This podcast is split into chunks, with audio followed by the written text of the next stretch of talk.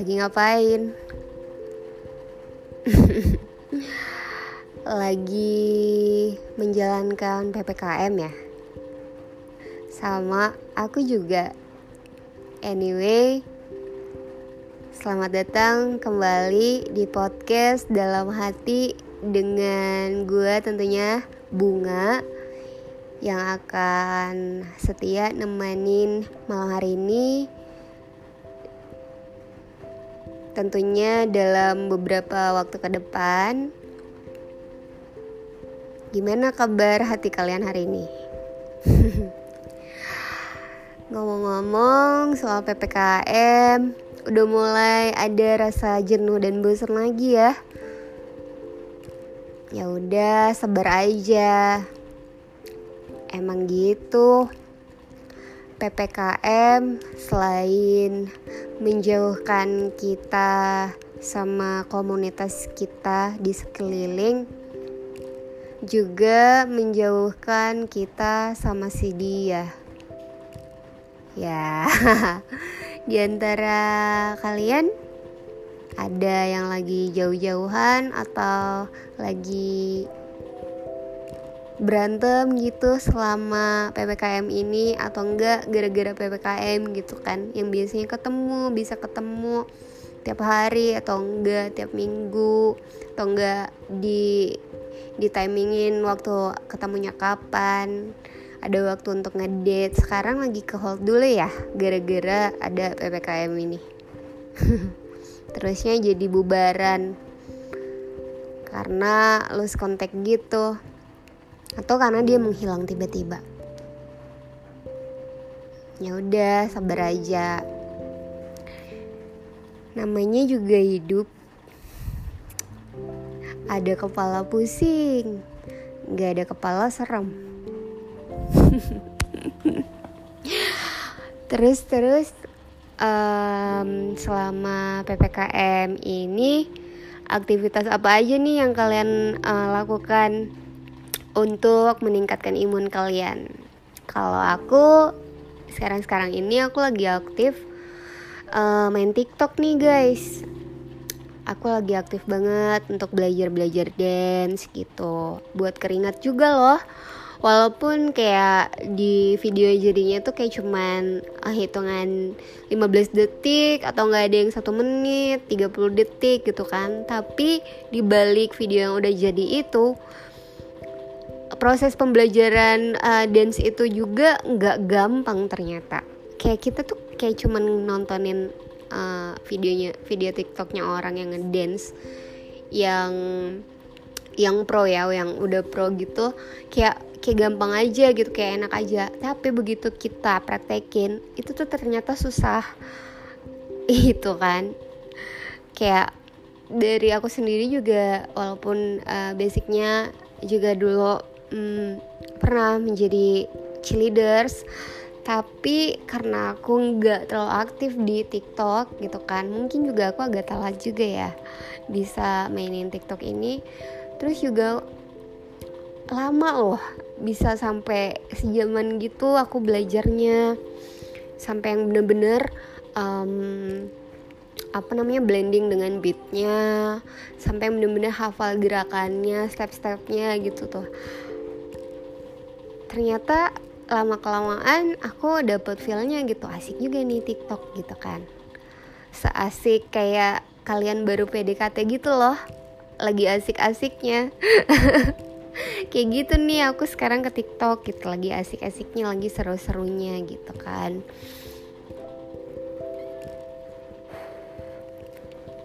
Terus juga selain nge-TikTok bikin video dance terus juga belajar-belajar dance. Itu juga aku paling killing time untuk masa ppkm ini. Aku kan hobi banget nonton juga ya nonton film-film gitu. Terus juga uh, drakor juga aku favorit juga sih. Nah sekarang tuh lagi um, lagi lagi naik uh, drakor uh, terbaru kalian pasti udah pada tahu nih para pencipta drakor. Ya kan? Nevertheless itu. Jadi judulnya itu Nevertheless dia tuh kayak baru tayang um, tiga tiga atau empat episode gitu. Sayang banget gitu. Apa namanya? Dia tuh kayak per minggu itu cuman tayang satu episode. Jadi kayak nunggu nunggu nunggu bikin gemes nah film Nevertheless ini tuh dimainin dibintangin sama uh, kebetulan mantan aku ya. Uh, Sokang yang memerankan um, sebagai Park Jaeun terus juga si ceweknya nih yang yang apa namanya dapat apresiasi banyak juga dari fans-fans mereka uh, fans-fansnya di Indonesia. Tahun lalu dia ceritanya jadi seorang pelakor. Nah tahun ini dia membintangi sebagai Yunabi yang diperankan uh, oleh Han Sohee ya kan? Si cantik ini. Kembali lagi nih di film ini gitu. Tetap gemes tetap cantik tapi di film kali ini tuh kayak dia tuh hmm, jadi jadi cewek apa ya naif gitu loh. Kayak kayak karakternya terus dia diselingkuhin sama pacarnya gitu. Kayak karma gak sih? Dulu dia jadi selingkuhan gitu. Nah sekarang dia diselingkuhin kayak karma gitu deh.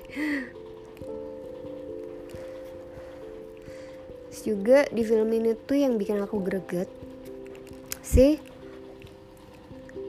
Park Park Jeun si Park Jeun ini kayak sosok cowok yang misterius gitu. Yang tiba-tiba aja hadir ke dalam kehidupan Yunabi ini gitu kan. Kayak nggak tahu dari mana asalnya ya kan orang tuanya siapa tinggal di mana dari antah berantah mana. Tiba-tiba muncul aja di kehidupan Yunabi di mana yang saat itu Yunabinya ini lagi keadaan patah hati banget nah kalian sendiri pernah nggak sih kayak ngalamin uh, ngalamin keadaan yang sama seperti si Yunabi ini gitu? Saat terpuruk kalian tiba-tiba nih datang orang yang nggak tahu dari mana dari mana terus tiba-tiba kayak ngerasa wah ini dia nih pengobat sakit hati gue gitu kan. Kayaknya dia the right one lah kayaknya dia orang yang tepat nih buat gue kayaknya dia deh orang yang selama ini gue cari-cari gitu kan. Karena cewek ya apalagi kalau misalnya lagi ngalamin masa-masa depresi patah hati masa-masa stres dan sedih banget lagi terpuruk banget karena habis putus dengan pasangannya terus tiba-tiba datang nih mau cowok siapa aja itu.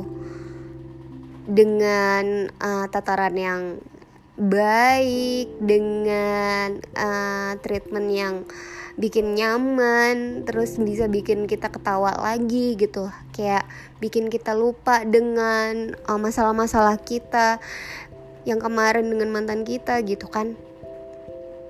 Cewek mana sih yang gak bakal terobati dan jatuh ke pelukan dia gitu kan?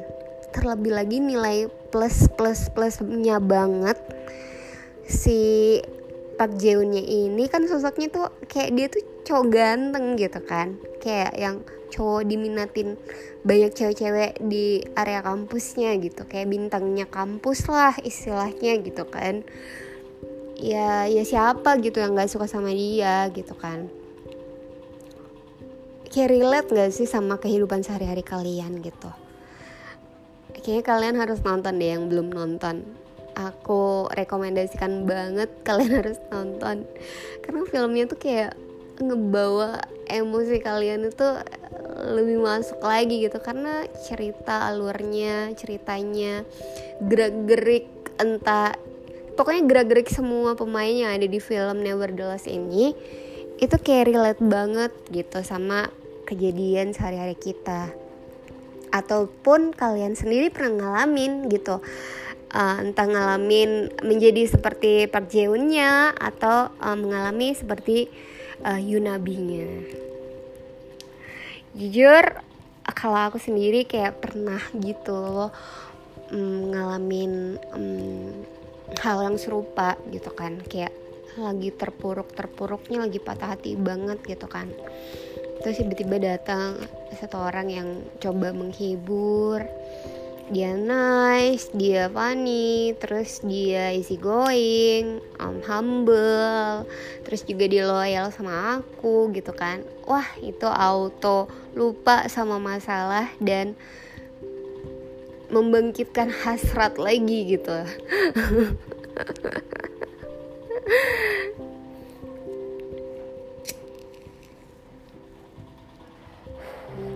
terus juga nih apa namanya um, sedikit cerita ya tentang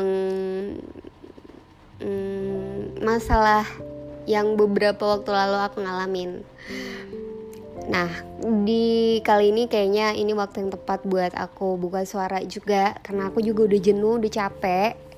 Aku udah ada di titik kayaknya aku harus buka suara juga tentang um, kasus yang beredar tentang si GH waktu itu aku sempat buat story gitu kan kayak kata-kata gitu bla bla bla panjang lebar. Pokoknya intinya tentang si GH itu. Jadi uh, uh, aku mau meluruskan sedikit uh, kalau hubungan aku sama GH itu cuman berteman biasa sampai uh, uh, selama ini gitu kan. Dulu emang sempat sempat deket deket uh, deket aku sama GH itu sempat deket. Statusnya itu HTS sih sebenarnya. Ya kan kayak mau dibilang HTS atau a friend with a benefit gitu. Aku juga nggak tahu ya whatever. Tapi ya aku kenal gitu kan. Aku kenal dia juga kenal aku. Nah waktu itu kejadiannya um, aku lagi teleponan sama temen aku yang ada di Malang. Nggak teleponan sih kayak video callan gitu loh kita. Nah jadi kayak video callnya itu mm, nggak nggak nggak cuman berdua. Ya anggap uh, kita sebut aja nama temen aku yang yang stay di Malang itu uh, sebut aja siapa ya? Sebut aja Marni ya Nah, aku video kan sama si Marni dan dua orang temen aku lainnya. Jadi kita tuh kayak berempat conference video callan gitu loh, cewek-cewek semua nih gitu. Yang aku kan ada di balik papa, nah si Marni ini ada di Malang, terus yang dua orang laginya ini ada di Jakarta gitu kan. Eh, Jakarta apa Bandung? Eh, Jakarta. Mereka lagi ada di Jakarta. Ya udah, kita lagi di tempat kita masing-masing gitu kan. Video call ngomong-ngomong-ngomong gitu kan. Kita tuh lagi kayak ceritaan bercandaan biasa gitu gitu kan. Saling nanya kabar saling cerita uh, satu sama lain uh, lagi aktivitas ngapain aja. Terus temen-temen aku tuh yang lainnya lagi ceritain lagi deket sama siapa. Terus yang satunya lagi tuh lagi curhatin uh, relationshipnya kayak gimana sama cowoknya gitu-gitu kan Nah terus si Marni ini nyeletuk soal uh, ngomong ke aku kayak dia tuh kayak nanya gitu loh ke aku eh gimana loh sama si GH gitu kan dia nanya gitu ke aku. Kema uh, gimana loh sama si GH masih kontakan nggak? Kemarin uh, gue ada ada chattingan sama temennya si si ada pokoknya. Kita panggil aja namanya Umar. ya kemarin gue habis chattingan sama si Umar nih temennya si GH gitu kan. Nah terus si Umar ada nanyain lo tuh katanya uh, lu masih berhubungan gak sama si GH nah udah gitu uh, ya ya aku ngomong dong sama uh, aku ngomong dong pada saat ditanya itu oh uh, nggak nggak nggak intens lagi sih hubungannya cuman ya paling dia nyampe nyapa kabar aku gitu kan uh, emang dia ada ngefollow IG aku gitu kan. Tapi dengan uh, akun akun akun lain pakai akun manajernya gitu. Dan dan apa namanya uh, terus uh, aku cerita gitu kan. Uh, iya tuh gila banget uh, jadi inget kejadian dulu yang sempet di diajakin untuk kawin kontrak. Aku bilang gitu kan. Nah kan kenapa aku bisa cerita itu? Karena yang teman aku salah satu teman aku yang ada di video call conference ini kan uh, juga tahu ceritanya gitu. Dia itu juga um, menjadi saksi lah uh, uh, antara hubungan uh, perhatian aku dengan si Gihain dulu jam dulu gitu kan. Waktu lagi sering-seringnya uh, bolak-balik uh, balik papan Jakarta gitu kan. Nah habis itu yaudah terus temennya si Marni ini di belakang. Jadi si Marni ini pas dia itu lagi di suatu tempat gitu. Nah posisinya di situ tuh ada temennya itu. Nah temennya itu nyeletuk hah emang bener kak dia temennya itu nyeletuk ke ke aku. Hah emang bener kak? Uh, dulu dulu pernah pacaran sama GH terus aku lurusin nggak pacaran cuman HTSan terus dia cerita lah uh, apa namanya uh, kalau tentang kejadiannya dia itulah pokoknya dia cerita. Nah setelah itu kan itu kan nggak terlalu aku gubris ya pada saat kita tuh lagi lagi video callan itu. Nah habis itu sudah itu kita nggak um, nggak mikirin GH kita ganti topik lain tuh pembicaraannya. Kita ngobrolin banyak banget lah pokoknya. After kita video callan um, kayak tiga hari setelah aku, setelah itu muncullah tweet yang di posting oleh temennya si Marni ini. Sama temennya temen aku yang di Malang ini. Ya kalian semua tahu aku nggak perlu mention dia siapa ya kan? Dia nge-spill lah tentang bla bla bla kejadiannya sama si GH itu di cuitannya itu. Dan parahnya lagi asal kalian siapa pun yang yang udah sempet ngebaca atau nge-capture dia ada sebutin nama aku gitu dia nge-mention nama aku dengan jelas sejelas dia mention nama si G GH itu. Setelah itu aku langsung ngamuk-ngamuk aku langsung telepon si Marni. Aku bilang kalaupun dia ada masalah tolong jangan bawa-bawa nama aku. Aku bilang kayak gitu. Karena uh, aku juga nggak mikirin masalah itu kok. Aku bilang kayak gitu. Nah ya mungkin beberapa temen aku yang tahu tentang masalah aku sama si Gia dulu ya emang sempet ada kayak sakit hati sedikit sih gitu loh. Cuman ya udah aku maafin juga gitu. Karena orangnya ya udah minta maaf juga gitu kan. Nah aku bilang tolong ya dihapus tweet kamu yang ada nama akunya. Jadi jadi dihapus tuh tweetnya sama si cewek tersebut gitu. Ya kemarin-kemarin ada komunikasi. Ya emang sih kayak dia itu ngalamin sedikit depresi juga. Terus um, dia juga udah mulai berani untuk buka suara ke publik. Ya menurut aku sih kayak mendingan diluruskan aja apa pun masalahnya Aku doain juga dari sini semoga masalahnya cepat selesai dan menjadi um, apa ya menjadi cowok yang gentle aja gitu yang seperti di publik tahu. Uh, maksudnya um, jangan pernah menjadi uh, orang yang fake gitu. Kalau emang uh, lu ngakuin itu ya lu lu ngakuin. Tapi kalau memang lu ngerasa nggak nggak ngelakuin hal yang seperti dituduhkan ke lo ya lo harus berdiri tegap dengan kedua kaki lo sendiri. Lo harus bela diri lo sendiri. Karena kalau bukan lo yang bela diri lo sendiri siapa yang bela? Komen-komen netizen yang nggak nggak tahu personalnya lo gitu. Maksud aku gitu. Kayak sedih aja gitu kan. Zaman sekarang itu sedikit-sedikit kalau misalnya uh, kita kena masalah apalagi nih zaman heboh sosial media kayak gini. Uh, siapa pun itu kayaknya tiap orang hmm, kayak bisa ngejudge kita gitu. Terlepas dia kenal atau enggak dengan kita gitu loh.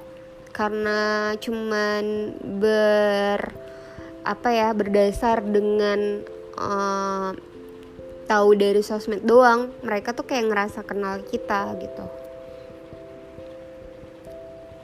jadi kalau misalnya mereka tahu kita punya satu kekurangan yang menurut mereka di luar akal sehat mereka ya mereka dengan dengan bebasnya juga uh, nge ngebully ngebully mereka gitu loh.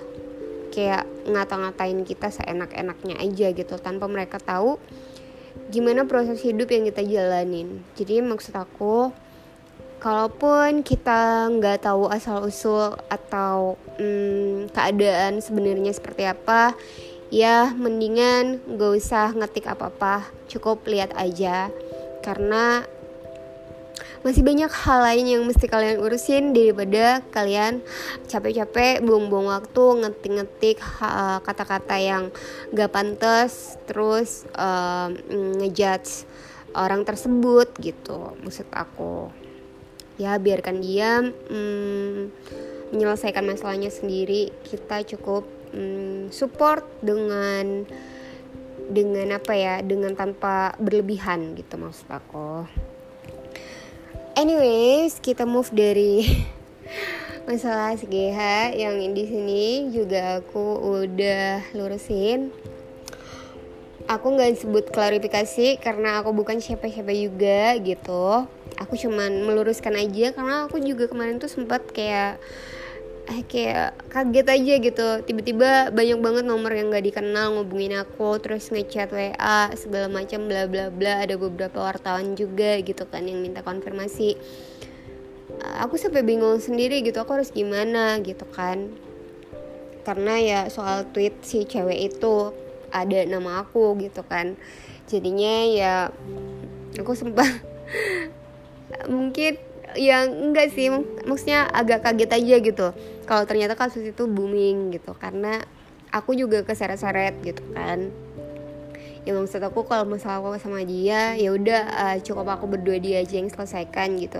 Aku juga nggak nggak perlu mempublish uh, masalah aku. Karena ya udah gitu. Orangnya juga um, cukup cukup gentle juga ke akunya. Jadi ya di sini aku cuman meluruskan. Jadi bahasanya aku meluruskan.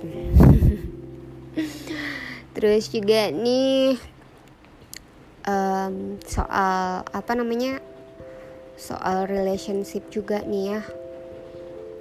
Maksud aku kayak keadaan keadaan itu kayak sekarang sekarang ini tuh apa apa tuh serba panik apa apa tuh serba heboh gitu. Udahlah maksudnya kalaupun um, kalian atau kalaupun kamu emang lagi ada trouble sama someone gitu please um, coba mendewasakan diri. Udah nggak zaman men. Um, maksudnya udah nggak zaman aja gitu. Mempublish masalah ke sosial media. Apalagi kayak nge-spill nge-spill gitu ya. Maksud aku kayak ini come on gitu. Ini udah 2021 gitu loh. Emang masih zaman yang nge-spill nge-spill kayak gitu? Terus uh, apa yang lo dapet? Maksudnya ini terlepas terlepas dari kasus yang tadi ya. Uh, kasus yang tadi udah udah close terus ini aku ngebahas uh, masalah baru gitu. Kayak kalian pernah nggak sih nemuin orang yang um, kayak nge-spill ke sosmed gitu? Uh, uh, si si A pernah ma pernah sama aku atau enggak kayak yang gak usah sosmed lah. Kayak pernah nggak sih kalian tuh ngalamin temen daerah circle pertemanan kalian tuh kayak eh, anjir gue kayak uh, gue gue semalam uh, jalan nih sama si A. Wah gue bawa ke hotel terus gue ewe anjir enak banget bla bla bla segala macam pernah nggak sih kayak gitu? Pernah nggak kalian ngerasa kayak mendapat cerita-cerita yang lebay aja gitu loh dari dari teman kalian mungkin. Kayak menurut menurut aku sih kayak udah nggak nggak perlu ya kayak gitu gitu loh. Maksudnya uh, apa pun yang terjadi dengan uh, kalian berdua terlebih lagi uh, itu menyangkut hal yang yang privacy banget. Please just keep it you tolong uh, itu disimpan untuk diri kalian aja sendiri gitu. Kayak aku nih aku nih pernah gitu ya aku aku tuh pernah suka suka banget sama orang gitu kan.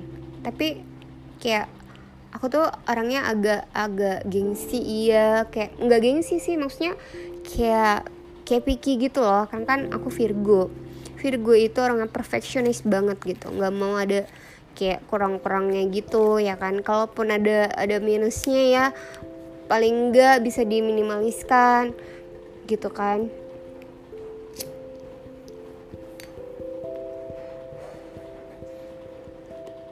Jadi ya kayak maunya tuh serba perfect gitu kan. Nah keburukannya aku adalah aku tuh kayak punya fear of rejection gitu loh. Jadi yang kayak punya fear of kayak takut ditinggal kehilangan gitu loh. Nah pernah nih apa namanya uh, ketika aku lagi jatuh cinta nih sama orang gitu kan kayak misalnya wah ini gue gue cinta nih sama dia gitu kan. Gue suka nih sama dia nah kayak ketika itu juga uh, aku udah ngerasain takut gitu. Karena ya saat gua saat aku ng ngerasain jatuh cinta banget yang kayak udah udah jatuh cinta banget sama dia nah saat itu juga aku lebih milih cabut. Kalau sekarang kayak gitu. Kayak freak kan? Tapi ya emang kayak gitu gitu karena karena dulu aku pernah ngalamin juga kayak in relationship sama uh, someone yang menurut aku hmm, pada saat aku berhubungan itu tuh aku cinta banget aku sayang banget sama dia jadi aku harus jagain dia gitu. Kayak aku nggak boleh kehilangan dia. Apa pun apa pun um, minus minusnya kesalahan kesalahan dia tuh selalu aku maafin maafin maafin gitu. Yang penting aku tetap berhubungan sama dia bahkan aku nggak sadar kalau itu aku lagi berada dalam toxic relationship gitu. Yang seharusnya nggak aku mm, pelihara bobroknya dia. Itu kayak kayak aku ngasih maaf ngasih maaf ngasih maaf terus tuh kayak aku mm, melihara kekurangan dia gitu loh. Ngerti nggak? Jadi kayak misalnya nih dia udah ketahuan selingkuh sekali. Terus dia minta maaf oke okay, aku maafin. Terus kita balik lagi jalanin hubungan kita gitu kan. Tetap tetap pacaran. Nah orang kalau udah ngelakuin satu kesalahan dan itu emang udah habitnya dia bagi, biar bagaimanapun dengan cara apa pun um, kita ngasih tahu atau kita berharap apa ke dia kalau nggak dari dia, dirinya sendiri yang emang ngebuka pikirannya untuk berubah dia nggak bakalan bisa berubah sih menurut aku gitu jadi ya karena aku tuh takut banget ketika punya hubungan gak jadi gitu loh. Terus atau enggak dia kenapa-napa dia bisa ninggalin aku. Nah makanya sampai sekarang tuh kayak masih stay cool. Eh, jalanin sendiri gitu. Karena kemarin-kemarin juga kayak pernah ada temen nanya lu nggak bosen sendiri? Nggak mau nikah enggak dulu deh menurut aku gitu. Karena ya gitu menurut aku pernikahan itu nggak gampang men gitu loh. Itu tuh pernikahan itu nggak cuman nyatuin dua kepala doang tapi banyak kepala. Kenapa gue bilang banyak kepala? Ya karena nggak cuman antara gue sama calon laki gue gitu. Karena ya gue harus nyatuin juga kepala-kepala keluarga gue seluruh keluarga gue dan kepala-kepala seluruh keluarga dia juga nyokap bokapnya orang tua orang tua aku keluarga aku gitu. Sama keluarga dia itu tuh harus sepemikiran gitu. Misalnya nih kamu mutusin untuk nikah nikah sekarang. Misalnya aku mutusin untuk nikah sekarang. Terus semua masalah dalam hidup ini gitu selesai gitu. Kan enggak gitu. Ntar tuh ada lagi masalah drama beras habis. Ntar ada lagi drama bayar listrik bayar air segala macam bla bla bla. Dapur harus tetap ngebul. Terus belum lagi drama per skincarean seorang dunia percewean gitu kan. Belum lagi perdramaan uh, soal kehidupan percowokan gitu yang di mana cowok-cowok itu juga punya uh, waktu untuk me time-nya dengan mungkin hangout sama temen-temennya atau mungkin nyalurin hobinya gitu kan. Atau mungkin butuh waktu uh, me time-nya cowok uh, main game seharian gitu kan. Belum tentu gitu loh. Jadi aku kayaknya untuk sekarang sekarang ini untuk aku pribadi ya aku belum belum bisa sih mutusin untuk um, oke. Okay, uh, I will marry with you gitu nggak bisa sih. Ya hmm, untuk untuk sekarang ini kayaknya hmm, kalau aku sendiri yang aku treat untuk diri aku sendiri adalah menyambut siapa pun yang datang gitu dan melepaskan siapa pun yang ingin pergi gitu. Ada yang datang ya ayo kita jalan. Ada yang mau pergi ya silahkan gitu kan. Aku nggak bakal nahan-nahan. Kalau ada yang mau datang ke dalam hati aku juga ya monggo. Aku nggak bakal aku nggak nggak nutup pintu hati aku juga gitu kan terus juga uh, lagi nggak nunggu notif dari siapa siapa gitu kan. Ada chat ya dibales nggak ada chat ya udah nggak apa-apa tinggal aja main game gitu kan. Nah terus uh, kalau bosen ya tinggal keluar tapi sekarang lagi nggak bisa ya karena ppkm gitu kan. Kalau lapar ya tinggal makan. Karena menurut aku sih bangun itu untuk kerja pulang untuk tidur. Sesimpel itu kok sekarang. Gak usah ribet gak usah takut gak usah ngerasa uh, insecure yang berlebihan banget. Udahlah sekarang mm, gak usah diribetin kalau ada yang simpel. Ya gak sih? Ya udah uh, podcast kali ini segini aja dulu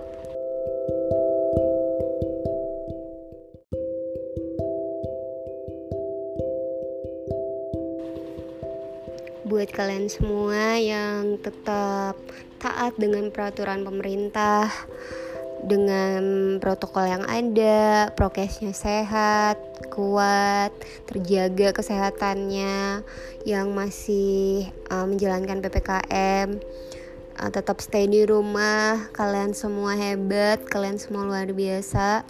Terima kasih juga buat kalian uh, para dokter-dokter dan perawat yang sudah merawat uh, orang-orang uh, sakit di luar sana gitu. Dan terima kasih juga untuk uh, para petinggi-petinggi negara yang yang sudah berbaik hati menolong um, para pedagang-pedagang di luar sana. Ya, sebagai manusia kita emang harus memanusiakan manusia lainnya kan tetap semangat, tetap bersabar dan please banget jaga kesehatan kalian, jaga hati kalian, jaga pikiran kalian dan jaga perbuatan tingkah laku kalian. Peluk online dari aku, cium online dari aku. Ya.